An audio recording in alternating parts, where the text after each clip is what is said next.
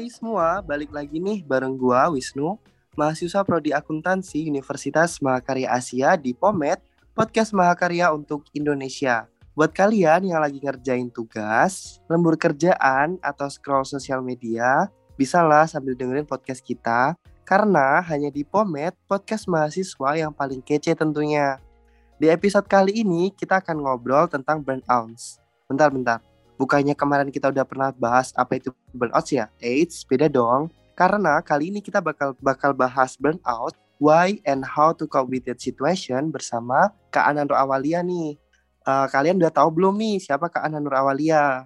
Oke, buat kalian belum tahu yuk kenalan dulu. Halo Kak Ana. Halo, Assalamualaikum warahmatullahi wabarakatuh. Ya, Waalaikumsalam Kak Ana. Ya. Bener banget. Boleh kenalan dulu dong Kak buat teman-teman podcast yang belum tahu gitu. Oke, nama saya Ana Nur Awalia. Ada banyak panggilan sih. Dulu waktu di Jogja dipanggil Mem Alia, kalau udah balik ke Sulawesi dipanggil Ana lagi. Kayak gitu. Oke, kalau gitu ini dibalik dipanggilnya Miss Ana nih gitu ya. Iya, biasanya kayak gitu. Okay. Tapi just baik. call me Ana aja. Ana atau ya, boleh. Oke, Kak Ana, baik uh, karena ngomongin masalah burnout, apaan sih burnout gitu kan? Terus kenapa harus kita lawan gitu? Gimana sih caranya menghadapi burnout juga? Kalau menurut Kak Ana, apa sih burnout? Um, kalau dari saya personal, memang juga pernah karena pernah merasakan juga burnout. Burnout itu lebih kepada bukan depresi juga tidak. Kalau depresi kan dia lebih ke mental issue ya. Tapi kalau burnout itu kelelahan yang sangat sangat pelik gitu. Udah sampai pada titik tertentu di mana kita sudah menyerah, hampir mau menyerah atau apa ya sangat-sangat kelelahan gitu. It, buat saya itu burnout burnout. Jadi misalnya gini, kayak saya ya dengan banyaknya aktivitas, terus juga padat pekerjaan aktivitas sosial, terus pekerjaan juga di kampus banyak dan juga kelas-kelas yang sangat padat. Biasanya akan ada masa di mana kita berkali-kali burnout. Maybe some some people will say I'm tired. Biasanya bilang saya capek, saya lelah, exhausted misalnya. Karena ada tipe-tipe uh, ada level-level kata ya kayak exhausted. Exhausted nih sudah sangat lelah. Nah, burnout ini di mana kita malas ngapa-ngapain kayak gitu. Pernah di posisi itu. Kayak gitu Kak Wisnu. Nah, tuh buat teman-teman yang belum tahu, ternyata burnout itu bukan cuma sekedar capek aja atau lelah aja gitu kan. Tapi emang bener-bener capek yang kita nggak punya tenaga buat ngapa-ngapain lagi nih gitu. Bukan burnout yang kebakaran habis terus kalian malah bakar kenangan mantan gitu kan ya kak ya? Iya bener bener bener bener. Biasanya kan kalau teman-teman yang melek bahasa Inggris burn itu kan terbakar kan? Iya, kayak di lagunya BTS ada yang juga burn itu ter benar-benar terbakar. Tapi ini yang lebih ke kelelahan gitu lebih ke mentalitas gitu Ya gitu. Nah buat teman-teman sekali lagi nih ya, burnout itu sebuah istilah bukan bukan diartiin satu-satu gitu. Jadi kalau menurut Kak Ana, burnout, burnout tadi kan kalau menurut Kak Ana biasanya banyak kegiatan, terus jadwalnya yang padat sampai kita tuh nggak ada waktu gitu loh istilahnya buat istirahat, buat me time gitu kan. Nah biasanya kalau Kak Ana menghadapi hal-hal seperti itu gimana nih Kak? Um, kalau saya menerapkan beberapa hal. Jadi misalnya kayak gini, yang pertama ya, uh, bahwa untuk bisa mengatasi burnout ini sebenarnya itu kembali kepada diri masing-masing, ke pribadi masing-masing, internal kita yang paling pertama, terus yang kedua adalah eksternal. Nah, yang internal tadi, yang paling awal tuh usahain dulu untuk bangun pagi, itu yang paling pertama. Jadi karena kita pengen bangun pagi lebih awal, berarti se sehari sebelumnya kita harus sudah bisa menurunkan kebiasaan begadang gitu ya. Dan ini mungkin agak kesulitan buat yang insomnia, but that's another problem. Itu yang pertama. Jadi kita punya waktu untuk prepare lebih banyak gitu. Kayak misalnya burnout ini kan biasa terjadi pada orang-orang yang paling banyak pekerjaannya, yang padat gitu. Karena kita sadar diri padat nih kegiatannya, makanya kita harus curi start dari pagi, pagi banget. Itu yang paling pertama. Nah, berikutnya, yang kedua, burnout ini kan um, termasuk juga mengikis mental sama kesehatan fisik. Karena dia penggambarannya adalah uh, di mana kondisi kita itu stres berat yang dipicu oleh tekanan pekerjaan yang terlalu pada tadi tuh. Kalau dia dilarut, dibiarkan berlarut, ini akan memicu pada level depresi gitu. Nah ini sudah bahaya kalau sampai di situ. Jadi sebelum sampai ke situ, check out yourself gitu. Periksa lagi dirinya kembali, berhenti dulu sejenak karena uh, saya ingat katanya Pak Vero ya, Kak Vero saya panggil, uh, beliau bilang nggak ada gunanya kalau kita buru-buru gitu. Semuanya butuh spasi. Jadi even kalimat itu butuh spasi, paragraf butuh spasi. Jadi sama juga dengan kita manusia yang um, bukan robot, bahkan robot pun kan bisa ada panasnya gitu, apalagi manusia. Nah, karena burnout ini kita jadi punya kehilangan rasa hilang semangat dalam bekerja karena kelelahan. Bahayanya adalah nanti kita lama-lama benci dengan pekerjaan yang digeluti. Di sinilah orang-orang tertentu pada umumnya biasanya bilang bosan dengan pekerjaan yang digeluti. Padahal awalnya mereka pikir ini adalah passion gitu basically I think this is my passion. Padahal pertengahan jalan kok jadi menjengkeli gitu, jadi benci, jadi mengeluh. Biasanya kayak gitu, kita mengeluh dan lain-lain. Padahal ini hal yang membawa kita misalnya kita jadi apa ya dapat award, jadi dapat penghargaan, dapat gaji, terus dapat pengakuan, terus dapat eksistensi, terus dapat banyak hal, tapi tiba-tiba kita merasa ih, kok jadi benci ya? Nah, itu kita lagi burnout sebenarnya. Jadi teman-teman jangan salahkan dulu pekerjaannya, tapi cek dulu nih, kita mentalnya udah kembali segar lagi belum kayak gitu. Nah, jadi dari yang pertama tadi kita harus curi start kesempatan pekerjaan. Kemudian yang kedua adalah kita make priority. Kita buat dulu prioritas agenda kita apa. Jadi sebelumnya, sehari sebelumnya, dua hari sebelumnya, saya pribadi ya, saya sering, saya bahkan mengoleksi notebook, buku catatan gitu, banyak sekali. Karena suka nyatat Eh, agenda-agenda apa yang belum, agenda-agenda apa yang penting dan lain-lain. Karena karena itu penting sekali. Buatlah prioritas. Terus yang berikutnya adalah coba deh komunikasikan sama teman-teman kerja atau teman-teman tim. Nggak bisa dong kalau semuanya, misalnya Wisnu nih, atau teman-temannya di kampus, atau teman-teman podcastnya, atau teman-teman tim sosial misalnya yang sering turun lapangan. Dikomunikasikan sama timnya bahwa, eh teman-teman job desk-nya diberesin dong, gitu. Job desk job desknya jangan satu orang yang di ini yang di apa yang ditanyain terus nih kerjain ini kerjain ini kerjain ini. Tapi dibagi gitu.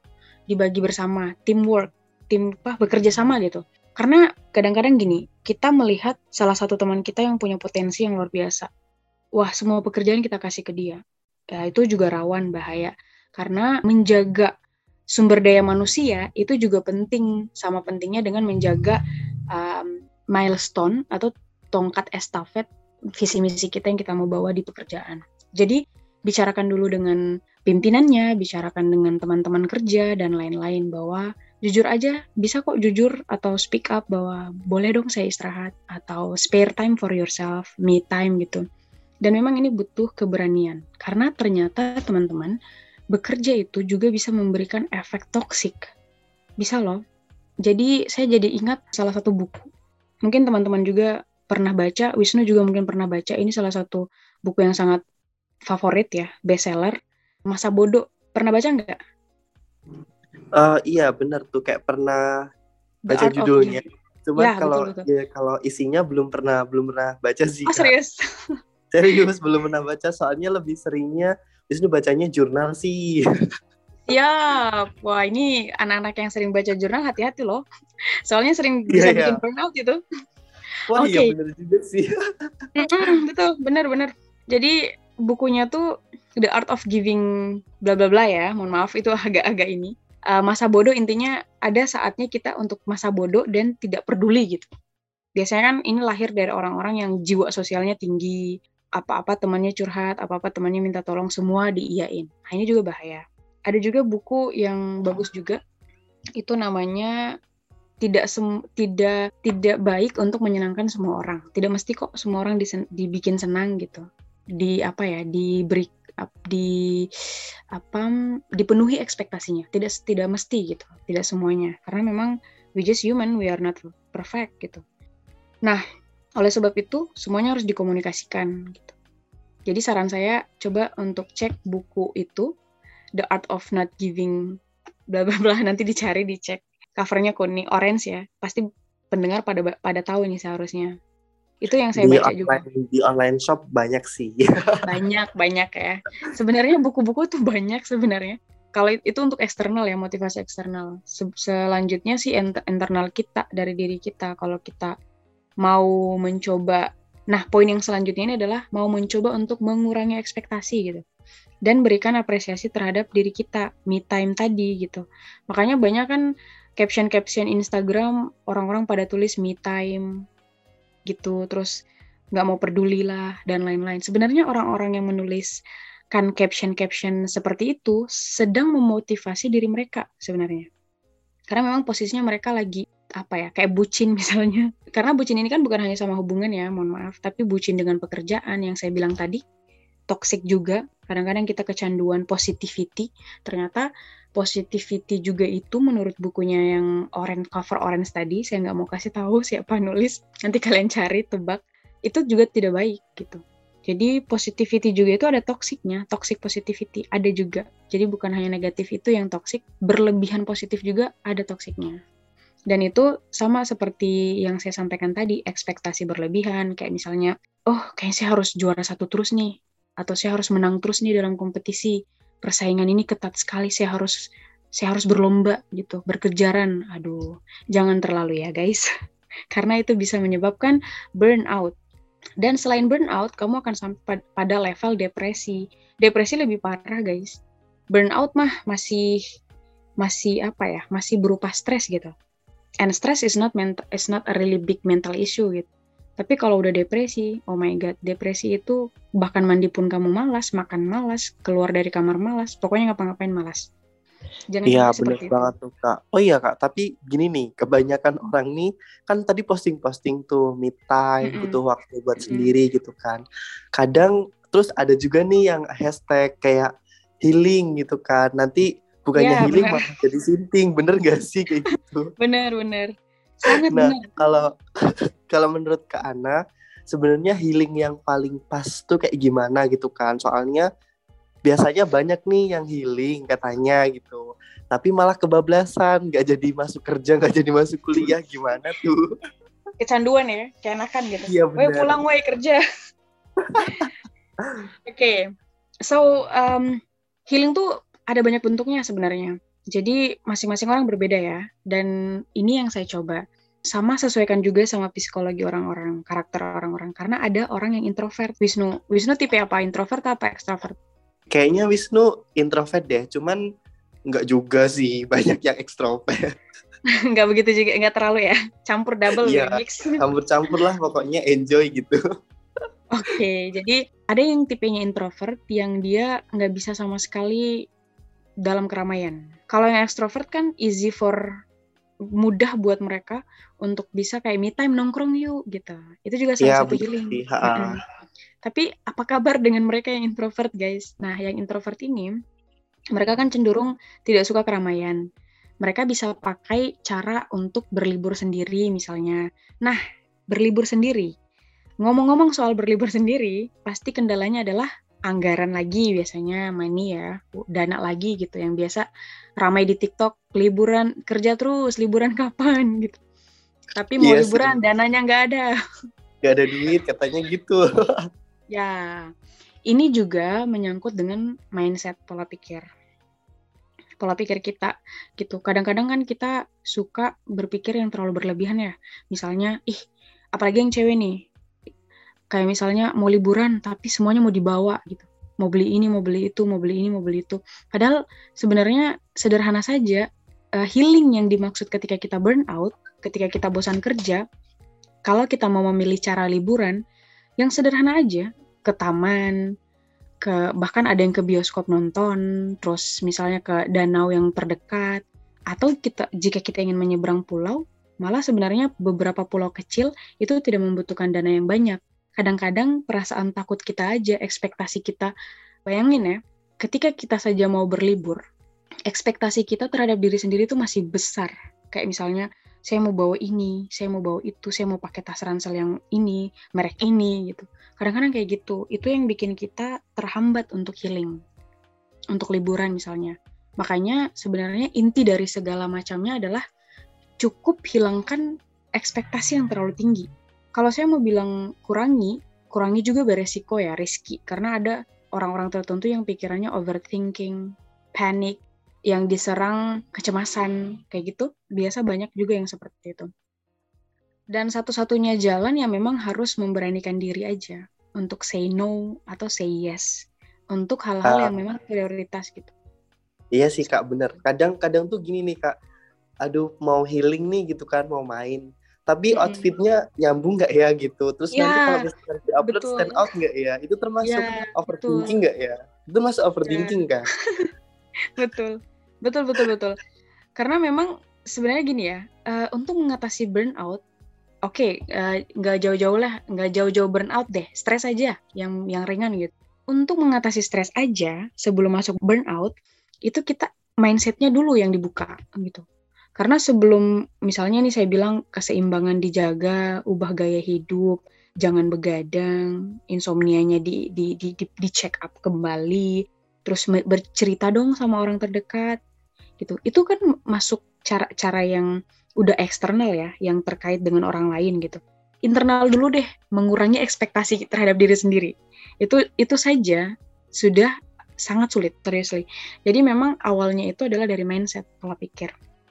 Dan satu lagi, ya ini kayaknya saya pernah bahas uh, sama podcast waktu saya bahas leadership kepemimpinan. Waktu itu ditanya, gimana sih cara uh, kakak memilih pilihan hidup antara mau sekolah atau mau kerja atau mau udah nikah aja misalnya atau nganggur deh santai gitu.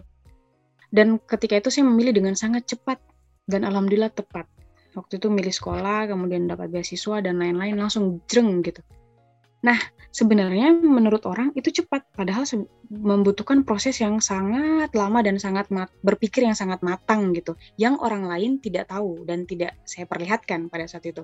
Karena memang biasanya orang nggak lihat proses, mereka langsung menengok hasil. Gitu. Dan prosesnya adalah yang bisa membantu kita mengatasi healing tadi, uh, burnout tadi, sama apa ya, uh, langsung memilih pilihan yang tepat atau cepat untuk healing, yaitu mengurangi uh, pergaulan yang terlalu luas. Jadi filter pergaulannya teman-teman, di filter. Karena biasanya ada teman-teman juga yang mohon maaf nggak mau kita sehat misalnya, nggak mau kita uh, selangkah lebih maju misalnya, dan itu toxic sekali, toxic friends, toxic friends gitu. Ini juga bahaya dan ini banyak dibahas di buku-buku psikologi yang memang sebenarnya tanpa tanpa buku pun sebenarnya kan Wisnu misalnya saya Wisnu dan teman-teman ya adik-adik itu sebenarnya bisa sadar loh, bisa membedakan dengan nurani, dengan hati, dan juga bahkan dengan logika yang mana yang toksik, yang mana yang tidak. Kalau dia sudah ber, berbentuk over, berlebihan, ya udah pasti racun. Kendati pun itu positif. Kayak misalnya, yuk nongkrong terus tiap hari tapi ya toksik. Yuk belajar terus tiap hari tapi ya toksik juga guys gitu. Yuk kerja terus tiap hari tapi toksik juga jadinya. Iya tuh, iya tuh kak bener hmm. banget tuh. Yuk yuk nongkrong yuk mabar gitu kan. Ya di mabar malah makin kalah nih ranknya makin turun juga toksik juga tuh akhirnya. Iya benar toksik juga. Jadi sebenarnya semuanya mindset sih Wisnu mindset. Dan keberanian kita untuk bilang tidak atau bilang ya di momen yang tepat. Gitu misalnya kayak tadi Wisnu bilang nongkrong yuk. Nah kita mikir nih mindset kita mikir nongkrongnya buat apa dulu nih? Kalau nongkrongnya misalnya mabar oh ya udah kemarin saya udah mabar hari ini nongkrongnya yang lain dong misalnya yuk bahas feature deh masa depan gitu. Atau yuk bahas kira-kira ada teman kita ada masalah yuk kita bantu gitu. Dan satu lagi uh, mohon maaf ya ini lompat-lompat deh ide idenya banyak kebanyakan. Satu lagi uh, yang biasanya bikin kembali ceria setelah banyaknya kegiatan dan pekerjaan itu berbagi memberi. Jadi misalnya ada walaupun itu kecil ya something even uh, tiny things kalau kalian mau berbagi bahkan hal kecil pun kalau kalian mau berbagi. Misalnya let's say kue coklat kue brownies di, dikasih ke teman kantor dia senyum dia senang itu bakalan kembalikan motivasi kalian. Atau oh ada anak kecil di jalan atau uh, dikasih makanan atau ada bapak-bapak di pinggir jalan dikasih makanan yang tanpa ada kamera sedikit pun yang sorotin ke antara kamu aja dengan orang itu. Terus kalau misalnya ada teman kamu yang lagi butuh banget apa gitu sebuah benda terus tiba-tiba kamu ngasih. Atau di rumah deh sama orang tua tiba-tiba kamu ngajak jalan makan atau ngasih sesuatu. Um, itu rasanya beda. Itu bisa mengembalikan semangat kita yang kemarin terbakar habis lelah kita kayak gitu. Saya biasanya kayak gitu sih Wisnu.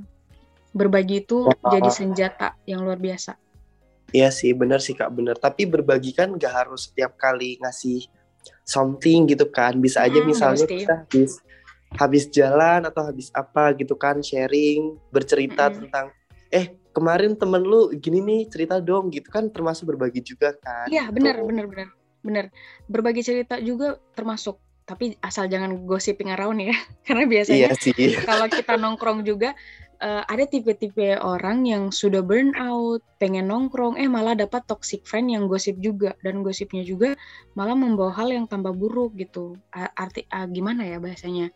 Vibe vibe-nya tuh negatif sekali gitu.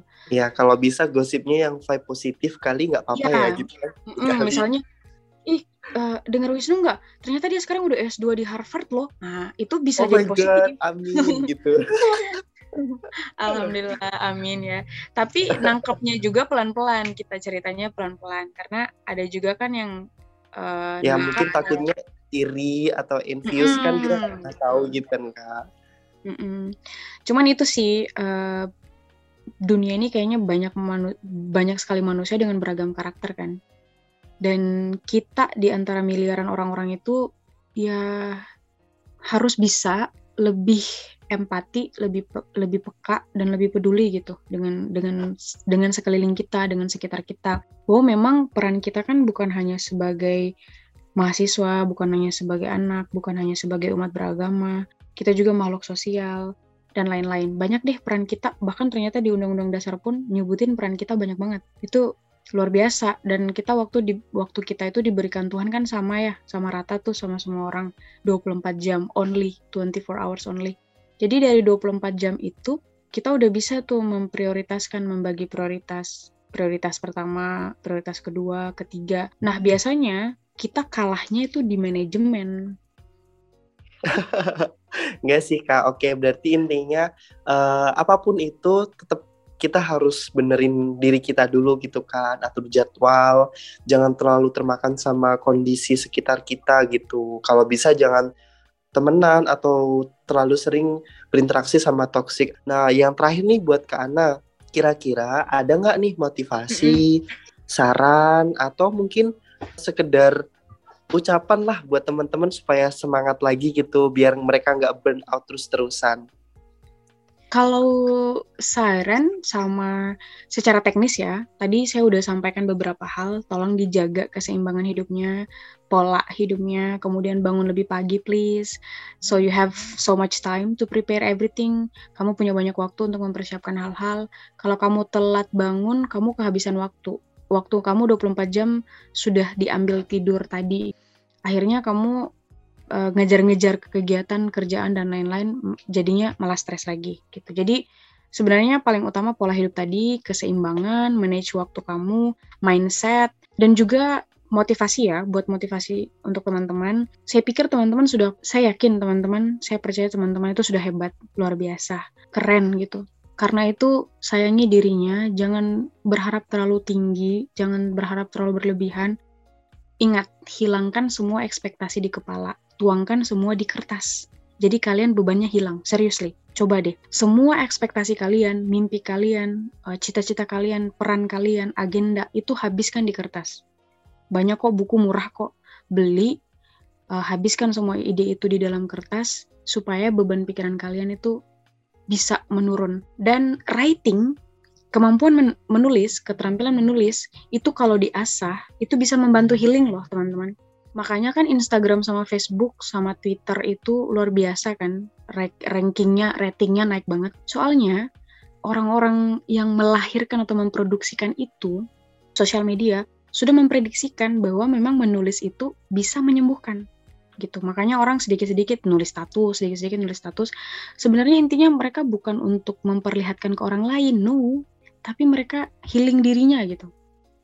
Mereka self healing gitu salah satu salah satu caranya adalah dengan nulis. Coba deh teman-teman tuangkan idenya semua dinulis, di tulisan kertas dan lain-lain. Kalau misalnya teman-teman ingin menjaga um, kerahasiaan idenya atau programnya, silakan tulis di buku, nggak usah di status. Lebih privacy, silakan tulis di buku, di buku diary, di buku pribadi. Itu serius teman-teman, sangat ampuh, sangat membantu untuk healing. Gitu. Jadi seluruh ekspektasi, tekanan pemimpinan, ekspektasi orang tua, ekspektasi sosial, tuangin semuanya di buku, di tulisan, itu aman. Ketimbang kamu bingung nih, kalau sama teman susah dipercaya ini kayaknya nih kalau teman, ya udah di buku aja, kamu rahasiain, buat kamu pribadi dan who knows siapa tahu bisa jadi buku kepemimpinan, buku motivasi, buku curhatan, buku novel bahkan dan rata-rata bestseller, penulis bestseller itu itu tulisannya rata-rata sangat mengalir seperti tulisan hari-harian yang you curhat gitu. Itu sebenarnya intinya. Jadi gimana caranya biar kegalauan teman-teman, mindset teman-teman, keresahan teman-teman itu bisa dituangkan dan bisa jadi sebuah hal yang memproduksi karya gitu. Itu sih sebenarnya uh, Wisnu buat teman-teman. Dan the last time pilihlah teman yang bisa mendukung karir teman-teman, hubungan teman-teman, keluarga teman-teman, dan bisa mengarahkan di hal-hal yang baik. Gitu, guys. Oke, terima kasih banyak nih buat Kak Ana atas waktunya udah nemenin kita di episode kali ini. Thank you so much Wisnu dan kawan-kawan, kalian keren. Oke, baik. Nah, tuh jangan lupa tuh buat teman-teman yang mau healing, nggak perlu takut outfit atau nggak stand out outfit Instagramnya. Yang penting kalian baik-baik aja, enjoy dan healingnya benar-benar terlaksana gitu kan. Dan juga salah satu cara menghadapi healing termasuk menulis yang udah diungkapin sama Kak Ana tadi itu sangat bener itu bener-bener banget tuh harus bisa dicoba gitu kan. Nah sekian dulu pembahasan podcast kita hmm. kali ini. Semoga menjadi hiburan yang menarik dan menambah wawasan buat bro and sis yang mendengarkan. Jangan lupa juga ikuti semua episode podcast kita di Spotify, Google Podcast, dan platform lainnya di Pomet, Podcast Mahakarya untuk Indonesia. Jangan lupa juga ikuti kami di Instagram at mahakarya.asia. Sampai jumpa lagi nih di next episode ya.